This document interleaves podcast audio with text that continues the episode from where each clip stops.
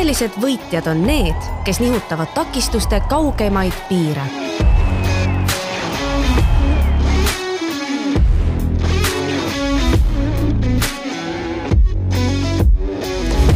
tervist, head sõbrad!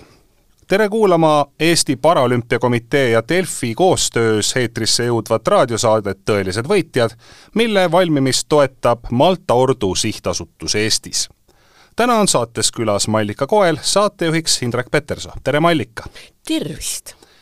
natukene ka Mallika tutvustuseks, nimelt on Mallika Eesti Paralümpiakomitee asutajaliige, kes on suure osa oma elust pühendunud paraspordi arendamisele Eestis ning andnud väärtusliku panuse mitmete puudega inimeste ühiskonda integreerimise ettevõtmistele, aidanud nendel inimestel siis meie ühiskonnaga kenasti toime tulla ja nende elukvaliteeti parandada spordi- ja liikumisharrastuse propageerimise läbi Mallik on aidanud mitmeid parasportlasi tiitlivõistlustele, lisaks töötab siiani Tallinna Tondi koolis, õpetades järgmisi põlvkondi puudega lapsi liikuma ja liikumisest rõõmu tundma.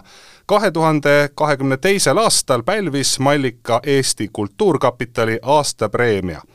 Kas kõik olulised tiitlid said ette loetud? see oli väga suur au. ma alustaksin kõigepealt tänasest päevast. ma väga tänan, et mind on kutsutud siia ma tõesti teen seda tööd südamest, aga varem ei ole kutsutud ega keegi ei ole paralümpiast teada tahtnud, kuidas meie tegelikult töötame. ma siis ütlen hakatuseks aitäh, et meie tegemiste vastu huvi tunnete suur tänu sulle, Mallika, nende heade sõnade eest, ennem stuudiosse tulekut ukse taga natuke omavahel naljatades ütlesime heas mõttes, et kõik paraspordiga tegelevad inimesed on vist natukene kiiksuga, sest muidu me seda asja ei teeks. jah, kui ma võin päris algusest alustada. Mina olen sõjajärgne laps, mul olid tugevalt rahiitilised jalad ja minu ema viis mind Ida Urbeli juurde Tartu tervishoiutöötajate maja balletiringi balletti õppima. ja kuhu ma jäingi kuni keskkooli ja ülikooli lõpetuseni.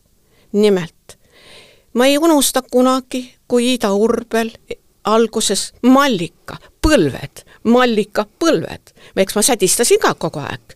nii et, et kust see kõik tuleb, kõik tuleb kuskilt. see tähendab, mind on õpetatud tegema tööd nii, nagu kästakse.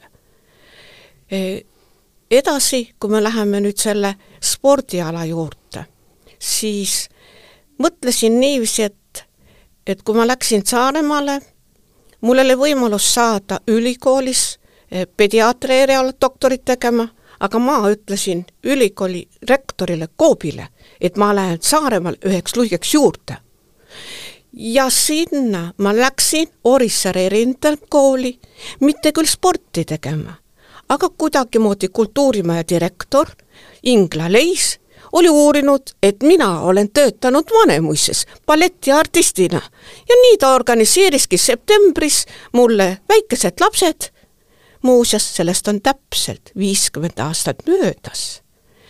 ja ma alustasin Saaremaal siis pedagoogilist tööd balletiõpetajana. ja nii lihtne see oligi. kust kandist sa pärit oled? mina olen sündinud ja kasvanud Tartust. olen nime saanud Tartust, riiklik teater Vanemuisest, kui minu isa lavastas Lakmeed.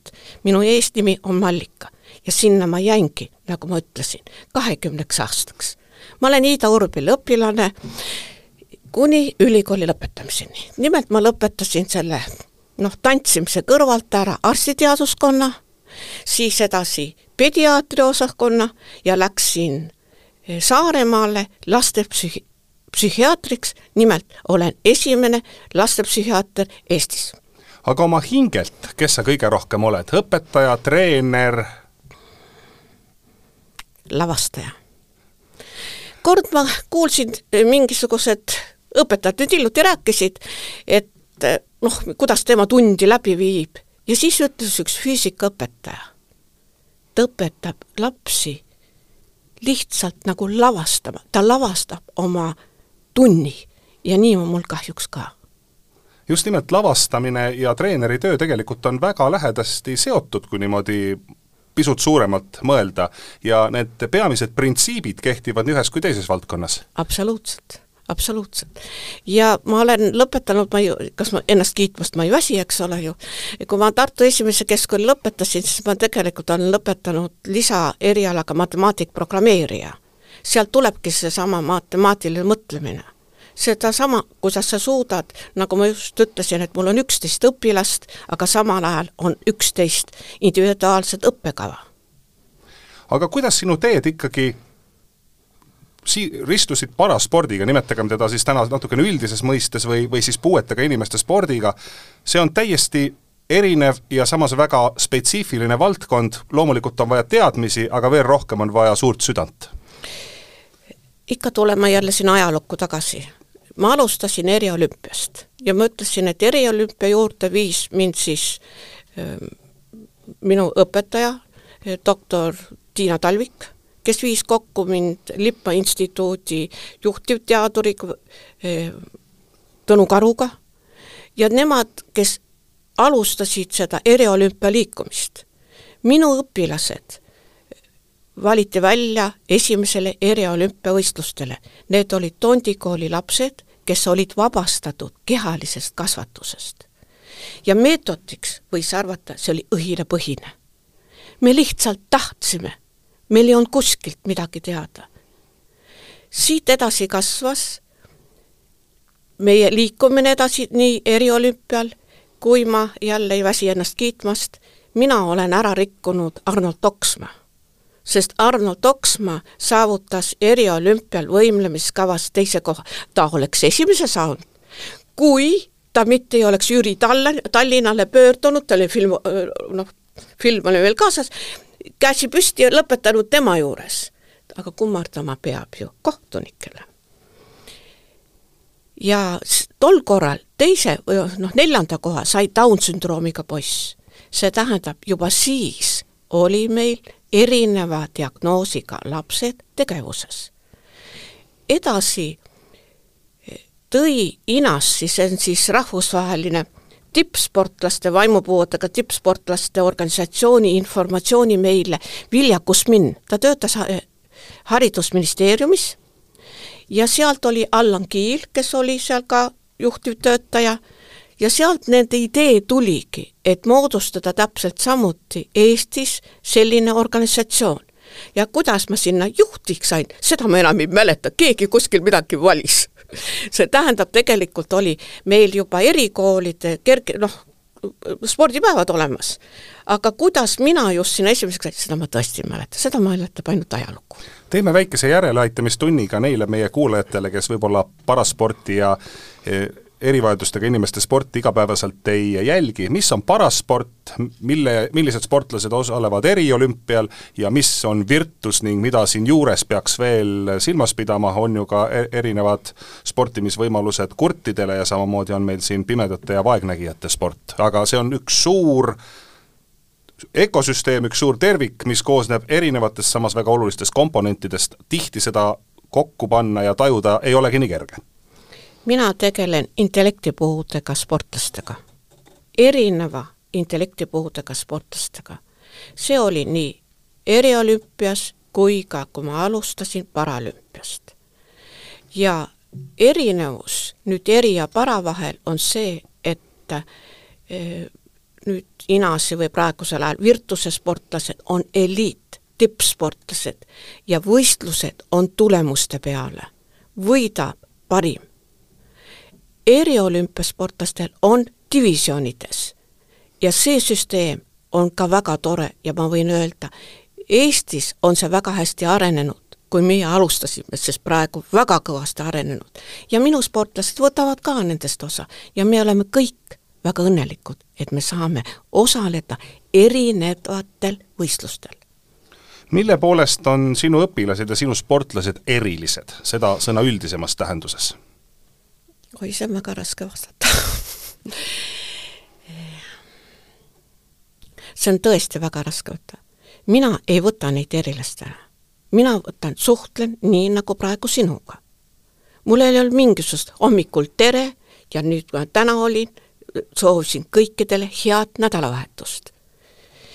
aga kui ma hakkan tööd tegema, ma tean, missuguseid ülesandeid ma võin kellelegi panna. Ma tean väga hästi, et tal silm ei sära täna, ma pean natukene oma sõnastust korrigeerima.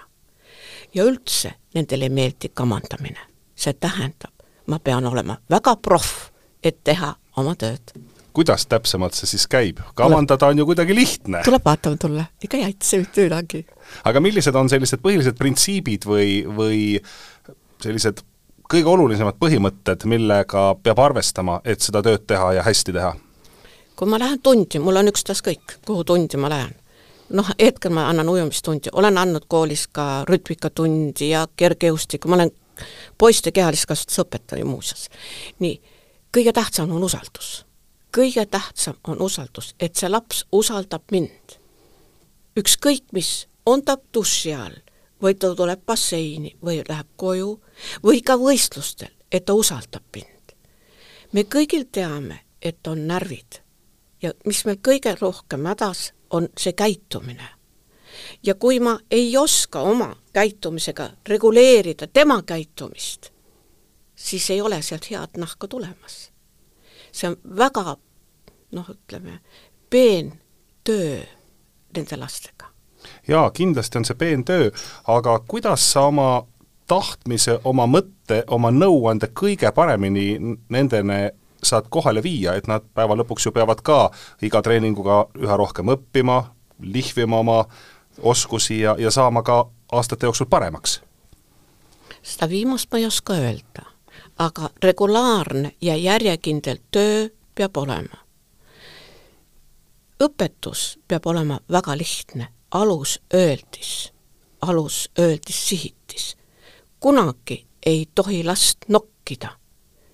või ütled, seda tegid sa praegu valesti, vot nii peab. seda ma ammu enam ei tee. Endale tegin selgeks, ega ta vees ei kuule ka. ja kui sa pärast tuleb välja, ütleb, et vot see võiks nagu parem olla, saab ta aru. või räägin klassijuhatajaga, kuidas kroolijalad on, või kui keegi ei taha teha saltopööret, et ta võib pea ära vastu põrandat lüüa. aga räägin klassijuhatajaga, emaga räägin ja laps saab aru, et hirmust on ka nii võimalik võitu saada. meid kammitseb lapse hirm ja mina pean selle ära tajuma. olen kokku puutunud ka erinevate nii puudega kui erivajadustega inimestega ja on tulnud äh, päris palju sellist veendumust, et nendele inimestele võib-olla ühtepidi intellektuaalses mõttes just erivajadustega inimestele ei ole teinekord antud väga palju, kuid selle eest ei ole neil tihtilugu kurjust. Nad on hoopis teistsugused ja tihtilugu palju-palju paremad oma loomult ja olemiselt kui mõned inimesed, kes siis ei ole erivajadusega. absoluutselt õige. ma ei oleks oma vanaduses niisugusel tööl praegu, kui see ei meeldiks mulle. kui seal oleks ainult kurjad inimesed või ma peaksin kedagi taplema kedagi, ma ei töötaks seal. ma naudin kui mingi viga kuskil on, ütleme, mõne lapse käitumine on, ma pean korrigeerima iseennast, mitte süüdistama last. ma pean teadma seda, et ütlen, et mingi laps, ma noh, diagnoosiga ei hakka rääkima, et tema toeb kogu aeg konnajalgu. aga kui meil on kroolijalgu vaja teha, ma ei lähe nokkima, tuleb tagasi pöörduda, ütled, kuule, soovitan niiviisi teha. ja nii lihtne see ongi. ta saab väga hästi aru, nad on targemad, kui meie arvame ja kõike, mis kõrval räägitakse, nad kuulavad. ma alati ütlen kolleegile, kuule, tal on jänesekõrvad. kes on sinu tuntumad õpilased? kust peaks alustama, ah, Arnold Oks ma juba rääkisin ära tuntud on ta kindlasti ja, ja sest mina olen tema ära rikkunud. aga vaatame spordi ja, ja võistluste kontekstis. kui ma nüüd tuleks nüüd siia tagasi, siis ikka oma esimesed õpilased, Heli Kollom Eh, kes tegelikult on Imastu lastekodust pärit. ta on omaette nüüd tööl ja tema nimel on kõik kergejõustikuala kuuskümmend meetrit, sada meetrit, kakssada meetrit, kaheksasada meetri ajad on tema nimel. sellest on möödas kakskümmend neli aastat. kaugushüppes on ta tulnud eh, maailmameistriks, aga Tiik Sirl on tast üle hüpanud et selles mõttes jooksja on Heli Kollom ja tema oli ka ühel aastal Eest- äh,, Euroopa parim naine. ja teisele kohale ma tooks siis Tiik Sirli, kes on paralümpiavõitja. et äh, ma Sirliga toon mõne näite juurde. ega ta ka kerge ei ole, aga ta on väga meeldiv, väga soe inimene, ta on lastekodu laps, ääretult soe inimene. me olime ah,, nemad käisid Poolas võistlustel ja ta lükkas oda maailma tasemel, kuskil üle kolmekümne, kolmkümmend kaks või midagi niisugust. ja tuleb ta tagasi ja siis ma räägin, et vot Tiik Sirli sai nii hea koha ja niisugune, mille peale ütleb kolleeg Aare Eller, et meie ei usalda seda. kui ei usalda, siis ei usalda, ega mind ka võistlustel ei olnud, aga need on noh, pro-, Poola protokollid. Läheme Sydney paralümpiamängudele, on see kollane joon ikka seal. nüüd küsib Toomas Vilosius, kelle joon see on seal, miks on? selgus, Antiik Sirli joon ja kui tuleb reporter ja küsib minu käest, et mis tunne teil oli, kui Shirley Tiik lükkas neli korda sellest maailmarekordist mööda, ei osanud ma midagi öelda peale pisarate. aga veel, keda välja tuua? Okei. Okay., kindlasti noormees Deniss Sedelnikov, kelle nimel on ka kõik jooksualad, kaugushüpe on tal kuus nelikümmend viis, siis ähm, nüüd ütleme kergejõustikuga, siis ujujatest ma räägiksin ainult nendega, kellega mina olen tegelenud, siis on mul nii Annit kui ka Dianat ja Mairet, aga vatti ja valu olen ma näinud Marito Sukoga. ja Marito Sukko on siis viimane siis klassis S-neliteist ujuja kes tegelikult tema nimel, kellel on, tema nimel on kõik ujumisalade, Eesti, Eesti rekordid on tema nimel. ja kõige parimaks saavutuseks oli siis ühel IPC MM-il, ta saavutas kahesaja meetri delfiini ujumises seitsmenda koha. muidugi vatt ja vaeva ennalt üldse, sinna sisse sai. nii, aga kui ta sai seitsmenda koha, väga hea aeg oli, isiklik rekord, ja tuli Triin Polisinski mulle läbi rahva, kallistas mind. ja me tegime pilti, vot see oli tähtis asi. nii, aga nüüd tulla siia edasi, siis ma ei väsi kordamast, et tuli otepäällane Hans Teearu, kes jälle aastal kaks tuhat neliteist Ehm, pidin mina märtsis korraldama eh, maailmameistrivõistluselt suusatamises. ma tunnen balletti, aga suusatamist mitte. sain hakkama ja Hans korjas kõik kuldmedalid endale. see oli nii uhke, see, kuidas reporter ütles, reporter tundis teda, ta ei uskunud seda, et Hans on üldse intellektipuudega, sest ta oli kogu aeg tavavõistlustel osalenud. ja treener jookseb üle ühe mäe Kaljuojast ja teise mäe, Ants, ole nii nagu treeningul. ta oli peajagu teistest üle ja ta on nüüd kümme aastat, ma võin eksida, on väga palju toonud neid kuldmedaleid, vist oli kolmteist või? no ühesõnaga väga palju on toonud, et ta kuni siiamaani ta tegutseb ja alles eile tuli kiri et Hans võib ikka edasi töötada, et paralümpiat, tali paralümpia on tulemas kaks tuhat kolmkümmend. ja temaga me kasvatame nüüd ühte uut õpilast, Gret Emil Pärna, kes on alles kuusteist, helistasin ta isale, mille isa ütles mulle niiviisi, noh, suurepärane, tasub edasi lugeda ikkagi sportlaste jaoks on nad siis virtusesportlased või parasportlased, see teadmine, et suurvõistlused tulevad, on samamoodi motiveerivaks jõuks nagu tavasportlastel? absoluutselt. aga sinna ei saa enam mitte nii teha, kui meie alustasime, et kaks või kolm korda teeme treeningut. see on igapäevane. kümme korda pä-, kümme korda pead sa nädalas treeningut tegema aga lähme nüüd natukene ajas tagasi, kaks tuhat kakskümmend neli on olümpia-aasta ja on ka paraolümpia-aasta ja sestap võtame ka meie vaatluse alla sinu pikaajalise seose paralümpiamängudega, aga kõigepealt, kuidas sündis üldse Eesti Paralümpiakomitee? vot seda ma ei oska öelda. Seda tuleb sa olid asutaja liige. Jaa, ma, ma mäletan, et kuidas tuleb öelda, hirmus sõdimine toimus. Kurdid sõdisid, veel keegi sõdis, kõik sõdisid, ma ei tea, mikspärast ma ei saanud aru, miks see nii on. aga, aga ta ära moodustati, ta ära moodustati ja ma veel kord ütlen, et ma olen õnnelik, et mind aktsepteeriti seal. võib-olla et sellepärast, et, et, et ma olin nagu vä-, väljast inimene või midagi selle taolist. aga missugused olid sinu esimesed võistlused Eesti lipu all? suured võistlused? Ma arvan, see Madrid vast ikka oligi esimene, kui teised läksid Bat-, sinna Barcelonasse. siis paralümpiamängudel, aga sina läksid Madriidi ja, ja need olid seal olid ainult intellektipuudega sportlased.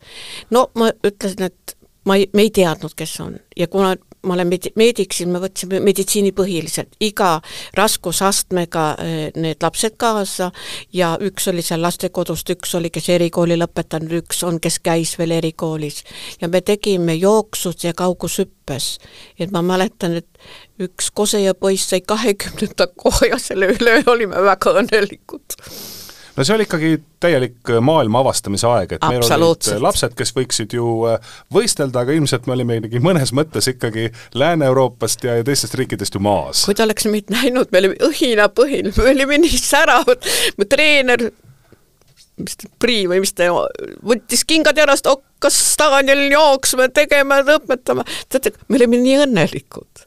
me olime nii õnnelikud, et me pääsesime välja aga siis, kui sportlasi õnnitleti, ei tulnud keegi mitte õnnitlema, nii oli ka eriolümpial. see tuli meil väga kiiresti selgeks. tähtis on sportlane ja teine on treener. millised olid sinu esimesed paralümpiamängud, kus sa osalesid? siis treenerina, jah, treenerina asjaajana, Atlanta, Atlanta. mida sul nendest mängudest äh, kõige eredamalt meelde on jäänud? väga närviline õpetaja olin ma ei osanud üldse oma helikolmit juhendada. ma nii elasin üle, et kuidas ta kogu aeg, kõige jubedam on kaugushüpe. sest sa pead kogu aeg ju treenima, et ta saaks nagu üle, eks ole ju. ehk ma ei tea, ma ei mäleta, kas ma ütlesin, et me käisime kaks aastat enne, olime Berliinis, rääkisime sellest? ei, veel ei ole okay. jõudnud rääkida. siis ma räägin enne selle ära. Berliinis olime nagu ikka madalrohi, istusime, lapsed öeldi, tuleb joosta ja talle õigesti tegi pakku tabas. ja ta tuli esimene kord hüppas üle, keegi õige world record, ma ei saanud aru, mis see on, pool tundi hiljem sain õige mina hurraa. niiviisi, saate aru, et me ei saanud aru, mis toimub. Eks ole, see oli maailmamängud, maailmameistrivõistlused ja minu õpilane esimese hüppe kohe-kohe maailmarekord. no nii see ei jäänud, eks ole, ta sai kolmanda koha ja eh, viiendaks tuli teine eh, eestlane, eh, Tondi kooli õpilane ka sai viienda koha, selle Külli Vasar oli ta nimi. no need on ju ka väga kõvad saavutused. absoluutselt, aga see oli ehmatus meil, eks ole, ja nüüd seesama ehmatus on ka seal, ma ei oska juhendada, sest nad lähevad oma mõttekäiku, tal on oma närv sees ja alles hiljem sain aru, tuleb jätta rahulikuks ja natuke öelda, natuke siiapoole. ja ta, me saime vist viienda koha ja üks sai kolmanda koha, jah. aga millisena on Atlanta paralümpia õhustik meelde jäänud? ai, see oli valus sest vaata, me olime mitte ainult treenerid, vaid me olime ka sotsiaaltöötajad ja nii edasi, tagasi, me alles õppisime, kuidas nende sportlastega ümber ja ringi käia. ma ei jõudnud ära kuulata, kui keegi, ma nimedega ei räägi, ütleb, mina ei pane seda valget pikka seelikut selga, ega ma lastekodus ei ole, mille peale kutsub Allan Kiil, Vallika, kutsu korrale oma õpilased. Mm siis sosistab seesama sportlane, minu enda sportlane sosistab, mul on raha kaasas, ma ei taha pikka valget seelikut panna. ma ütlesin, sa ei peagi panema. et ähm, see, kuidas, me ei olnud valmis, me ei olnud valmis seda melu osalema. selleks, et ähm, melus osaleda, pead sa olema vaba. me ei olnud valmis veel. sest meie mõte käis ainult kogu aeg oma sportlase heaolu tarbeks. ja ma veel kord ütlen, et me ei olnud valmis, et olla vaba. kas hilisematel paralümpiamängudel see valmidus juba tuli? oma käitumise osas kindlasti. juba oskasid korrigeerida, oskasid juhendada, no ma ütleks, et ikka ikka ei olnud ka päris, Sydneyst võin rääkida. Sydney, Tiik Sirlist juttu, me teeme soojenduse kõik, ristisammud soojenduses, läheme võistlustele ja teate, mis Sirli teeb? galoppsammu. no tule taevas appi. mina kui tantsija tean väga hästi, mis on galoppsamm. ja mina mõtlesin, et siit ei tule üldse mitte midagi. aga tuli ise ja tuli maailmarekord.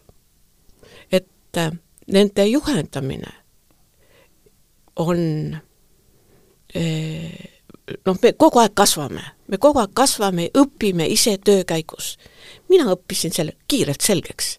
mina teen musta töö ja siis võtsin väga Sirli lähedal treeneri Liivi Rünka. ja kogu selle raskuse kallasin tema peale. aga on must töö, igapäevase töö tegin ma ise kõik, ettevalmistused kõik ja meil oli kokku lepitud kuni siiamaani, elasime väga hästi. üks inimene treen-, noh, juhendab võistlustel trein-, teine töö, noh ütleme emalik ja sotsiaalne töö on teine. üks inimene ei saa olla mitmes, mitme osatäitja. ja koos maailmarekordiga tuli ka paralümpia kuldmedal? jah. mis tunne oli? Ehm, vot seesama. võttis pisara välja küll? jah, see tähendab ega meid ju lähedale ei lastud ja me olime Sirliga seal õhtusel autasustamisel kahekesi. teised olid ulja peal. nii, ja kui see Eesti lipp üles läks, siis tuli üks kohalik inimene, patsustas mulle õla peale ja ütles, see on teie lipp seal. vot nii kuidas Sydney mängud võrreldes Atlantaga olid? seal juba natukene rohkem saite sellest eh, melust ja. osa ja olite nii-öelda avatumad ja, ja esimesed ja. ristsed olid käes? jah, ja võib-olla väga suureks toeks olid kohalikud austraallased sest Allan Kiilil oli ja Vilosel väga hästi organiseeritud, kellel vaba päev oli, kuhu mindi, kellel kes kuidas sai, meil oli rangelt. sadas vihma või ei sadanud, läksime meie väljakule meiega koos oli ka Deniss Sedelnikov, tegime oma oda ja kuuli ja kui võistlused olid läbi, siis oli Sirlile eraldi kohe pere, kes viis teda loomaaeda ja nendele kängurudele pai tegema ja koaladele pai tegema, et me olime väga rahul sellega, väga rahul ka suurvõistlustel ikkagi lihtne tõdemus, tee tööd tööajal, aja juttu ja veeda mõnusalt vaba aega siis, kui selleks on õige aeg. jah, seda saab ainult pärast võistlust teha aga sealt edasi olid äh, kahe tuhande neljandal aastal juba Ateena olümpiamängud ja nii edasi ja nii edasi, kuni tänasesse päeva välja, et millised on veel sellised kõige säravamad hetked või erilisemad mängud, kus sa ära käisid ja, ja kus sa kohal olid oma õpilastega?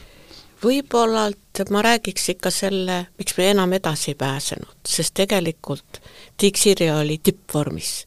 tema nimel on ju ka mitmevõistlus eh, on tema nimel, nii seitsme kui ka viie võistlus on tema nimel, siis ka Oda, Kuul, Ketas, tema nimel, ta ei saanud enam realiseerida maailma tasemel.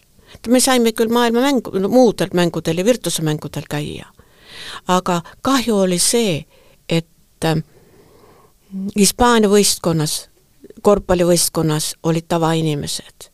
Ja sealt me saime kõik disklahvi ja kui ka praegu on meile antud ju ainult näidisalad, ei ole ju oda ja ketast sees.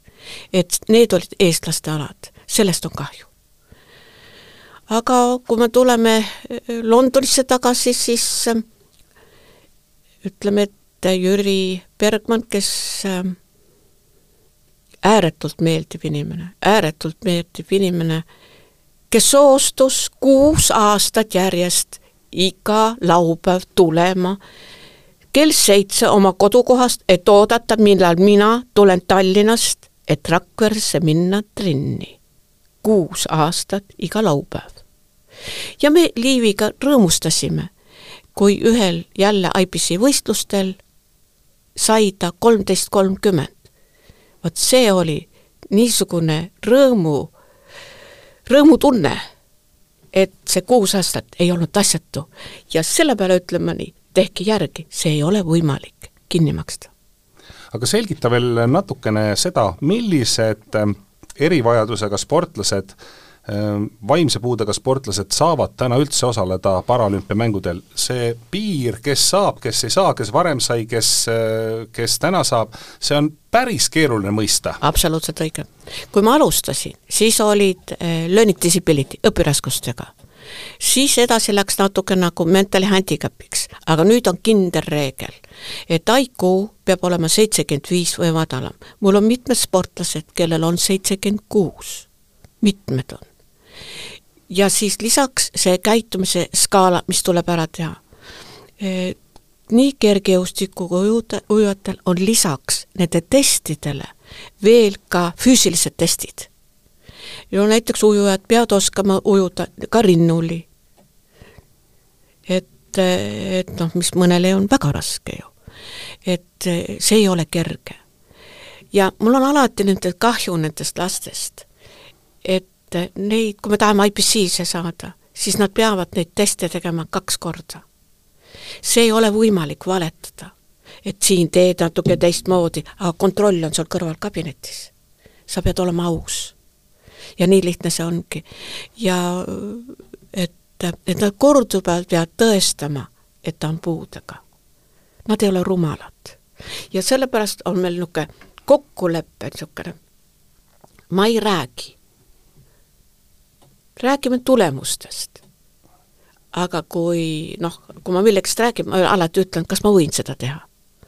on olnud ka sportlased, kuskil räägiti, et väga head tulemused olid kettaheites ühed noormel, ta helistas ajalehte, küsis, aga mina ei ole lubanud. et kõiki asju on olemas aga praegu me kõigiga räägime, ostan lennupiletit, küsin, kas ma võin osta, kas ma võin teha seda, et luba on olemas praegu käib äh, päris palju vestlust selle ümber ja, ja mm. ja erinevaid jõupingutusi, et Downi sündroomiga sportlased saaksid ka osaleda paraolümpiamängudel. kuidas Just. sina seda asja näed? nii nagu meilgi on see kaasav haridus, nii on ka kogu mujal maailmas, et tavalised intellektipuudega lapsed e, jäävad tavakoolidesse ja enam ei tule välja. ja kui mõni on siis ta väidab või tema vana väidab, et ta ei ole seda. ja nii lihtne see ongi. sellepärast ongi nüüd Hinas või praegu Virtus kaasavad ka teised, nagu on Down sündroomiga ja autismisündroomiga lapsed. Down sind-, ainult Down ei ole, siin on teised ka, kromosomaalsega ja geneetilise patoloogiaga lapsed on siin. ja sellepärast ongi neid sportlaste hulk vähenes, ma praegu räägin ainult ujumisest, sportlaste hulk tuntavalt vähenes. ja tuli tuua siis juurde nii Down sündroomiga ja tuli juurde tuua ka autismisündroomiga. kõik on väga hästi, me oleme väga õnnelikud, kui raske on nendega töötada, kui keegi tehakse. tohutult raske. nii, kõik on hästi. aga nüüd tekib küsimus, me oleme kõik ühe diagnoosiga ja viimane nüüd kiri, mis tuli Hiinase või Virtuse kontorist, mis on äh, aktsepteeritud Paralümpia poolt, on selline. kui need viimased nimetatud Down sündroomiga või, ja autismisündroomiga soovivad osaleda paralsüsteemis, peavad tegema kõik ette nähtud testid, lisaks ka äh, käitumishäireste skaala, lisaks ka füüsilised testid ja kui seda on aktsepteeritud, siis ta on ühes klassis see on parasüsteemis. nüüd ma räägin nüüd paralümpiamängudest või, või, või siis para mingisugustest tiitelvõistlustest. juhul, kui Virtus tahab ise teha, ja Virtusel ongi võistlused ju, need Global Game'id ja MM-id ja EM-id, siis temal on lahtetatud klass üks, taunid number kaks ja autistid number kolm see on viimane aktsepteerimine Paralümpiakomitee poolt. millal on lootust näha Downi sündroomiga sportlasi taas paralümpiamängudel? me oleks väga rõõmsad. Kui me räägime, mina kui arst räägin, räägin, et väga ettevaatlik peab olema.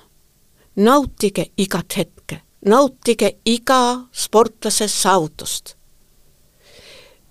pressida peale mingi jõudu või midagi, see peab väga täpselt teadma, kogu aeg jälgima, jälgima lapse meditsiinil poolt ja vanuselist poolt.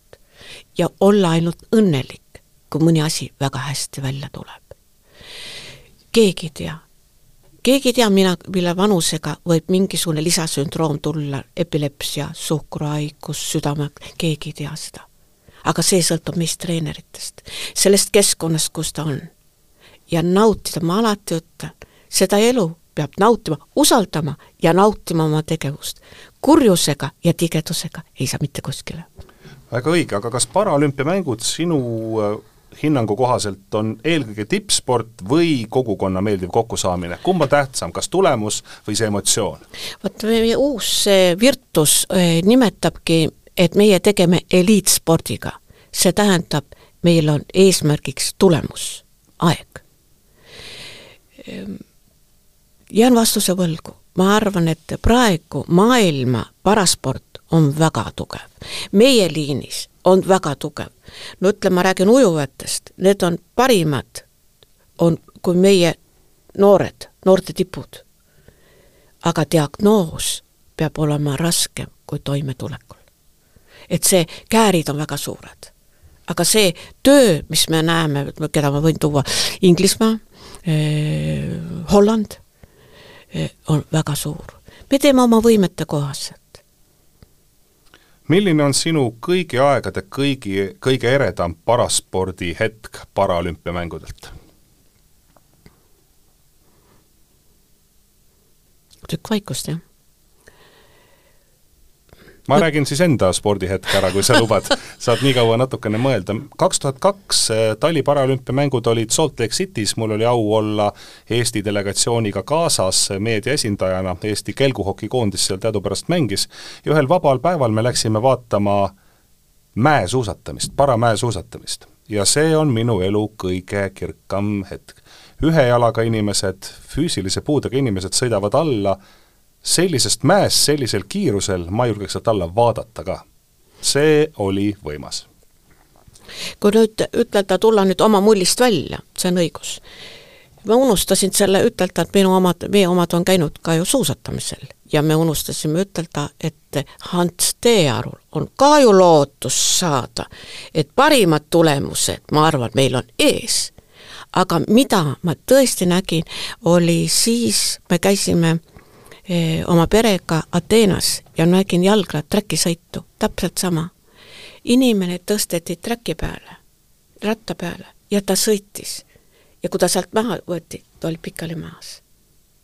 ja siis ma plaksutasin meiega, kõik vaatasid, kas oma või et see oli jah, see oli jälle pisarat väärt just, et inimene annab selles olukorras endast äh, absoluutselt kõik. jah, isegi, isegi võib-olla rohkem, et, et, et see on tõesti sellise viimase piiri peale ja see tahtmine tunda ennast tõesti täisväärtuslikuna, see on see, mis, mis on tõesti südamesse minev. jah, ma ütleks, et ma sain hakkama. see, see, et tema hakkama sai, miks siis meie hakkama ei saa? Pariis kaks tuhat kakskümmend neli paralümpiamängud on juba pea poole aasta kaugusel, millised on sinu hinnangul meie väljavaated äh, sellel korral? meie ei pääse, ma ei tea, kuidas praegu Leiva läheb, Rialto praegu ujub. ootaksime, et tal läheks hästi. Richard Leib? jah, ootaks, tal praegu ujub, sada meetrit tegi ta hästi, minust sai isikliku rekordi. me oleme kuskile stoppama, ma räägin ainult omas liinis meie oma liinis on see, meil on see demokraatia, meil on vabadus, kaasav haridus ja vähe on neid, kes tahavad treenida regulaarselt. mitte ainult sellepärast, et treener peab kogu aeg motiveerima, vaid et see tuleb seest endast. ma arvan, praegu kasvab see väike noor poiss, äkki kasvab. aga me peame kogu aeg valvas olema ja, ja aitama, et mitte ära ei motiveeriks. aga kas ei ole ühiskonna häda praegusel ajal üldisemas plaanis, et äh, ikkagi elu on ju tegelikult päris hea ja tihtilugu noored inimesed ei sea endale väga kõrgeid sihte, muidugi on ilusaid erandeid, ma ei taha üldistada, olen siin vestelnud ka mõningate jalgpalluritega, kes on äh, üheksakümnendatel oma karjääri alustanud, esimesed väljaku esimesed sammud teinud muruväljakul ja, ja ütlevad, et jah, meie ajal oli tingimusi oli vähem, selliseid kunstmuruväljakuid ei olnud, jalgpallihalle ei olnud, treeningmetoodikaid ei olnud, aga vot seda tahet, karakterit ja talenti ja, ja võitlust oli küll rohkem, praegu on nagu tingimused, aga oleks siis ka neid mehi, kes need ära kasutavad? kahjuks nii on. ma tulen jälle, et kui tulid nüüd need poisid sealt äh, Rakverest, nad tulid hommikul sinna Komsomoli staadionile, võtsid muidugi, mida ei tohi võtta, kettad ja odad, hakkasid nüüd loopima, sest meil oli trenn kell üheksa, aga nad olid kaheksa juba hakkamas. Neil, neil oli tahe, nad õpetasid üksteisele, Tiik Sirli, poisid õpetasid talle ketast, eks ole, aga praegu ei suuda, kõige tähtsam, et higiseks ei lähe. ja muidugi mul on rasked alad nagu suusatamine ja kergejõustik ja ujumine, et, et need nõuavad regulaarset treeningut aga millega sa neid õpilasi motiveerid, kuidas sa hoiad neid spordi juures, sa saad muidugi teatud määral teha ja rääkida ja, ja anda endast parima, aga lõpuks on ikkagi sinu vastas sotsiaalmeedia ja kõik teised tänapäeva nähtused? noh, ütleme ausalt öeldes, meil on käputäis tippe. kui mina tulen Vanemuisest, siis oli ka balletis on ju käputäis tippe. tippe on vähe, aga tipp ei kasva ilma tööta ja taheta, südamest tulevat taheta. see, et temale nüüd, ütleme minu sportlased, kes on nüüd Tallinna linnas, nemad ei maksa ühtegi osavõtumaksu, tal on vaba. tal on vaba pääs basseini, ta ei pea treeneri maksu maksma, ma maksan kõik talle võistlusosad kinni. tema ülesanne on ainult võistelda ja käituda väga hästi. see on usaldus. ma ei ütle, et ma sealt kasvatan nüüd uusi tippsportlasi aga kui keegi kasvab, mul on üks väga tore noormees, üliõpilane, tipps ujuja Mark Sohtsa. ta täna hommikul tuli, ta noh, ta ei saab koju tulla siis, kui ta ülikool lubab, kui vaikselt ta töötas täna autistidega. aga mitmed sportlased, kes me läheme võistlustele, oli üks töö ja kes muidu käratsevad ja on häälekad, täna oli vaiksed ka järgmine klass, kes on, on vinguviiulid, töö toimus.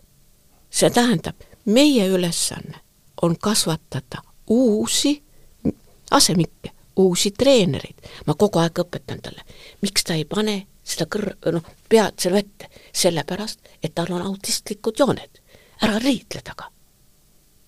ta õpib kogu aeg ja oskab näha ja ütleb mulle, ära noki ja nii ongi, tähendab, meie ülesanne on kasvatada uusi treenereid, kes tahavad, teavad nende puudusi, aga oskavad neid viia parimalete sportlike saavutusteni. milline on tagasiside, mida sa oma endistelt äh, õpilastelt saad, kui te kuskil mõnes seltskonnas või üritusel kokku puutute? no ma mitmendat ja sajandat korda räägin, räägin ühest ja samast inimesest kogu aeg, see on Tiik Sirli. ta on lastekodu laps. ta on olnud pärast massuurikas, me oleme riielnud, me oleme kõiki asju teinud. tuleb ette kindlasti. absoluutselt. E, kui ta helistab emadepäeval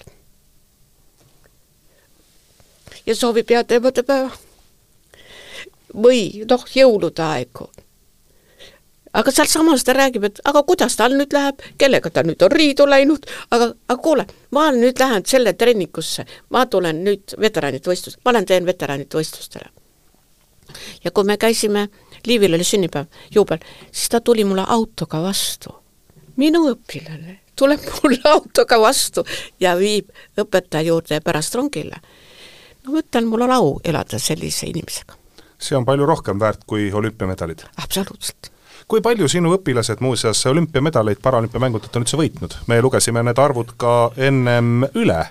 ei jah, me kuskil siin oli vist, jah. kas oli üks kuld, üks hõbe ja neli pronksi ja,? jah, jah, aga selle jah, jah, jah, aga siin vist pronksi sees peaks olema ka see ujuja, mina arvan jah, see peab olema. aga ma arvan, et me, me oleme teinud siiamaani tublisti järelkasvu. me kasvatame veel, me kasvatame uusi õpetajaid ja uut järelkasvu jaa, kindlasti loodame seda, aga veel saate lõpetuseks lihtsalt tahtsin küsida natukene üldisemas plaanis, et kui vaadata praegu puudega inimeste olukorda Eestis ja, ja meie ühiskonnas, mis on aastatega paremaks läinud, kindlasti ühte, teist ja kolmandat on, aga kus on veel peamised puudujäägid?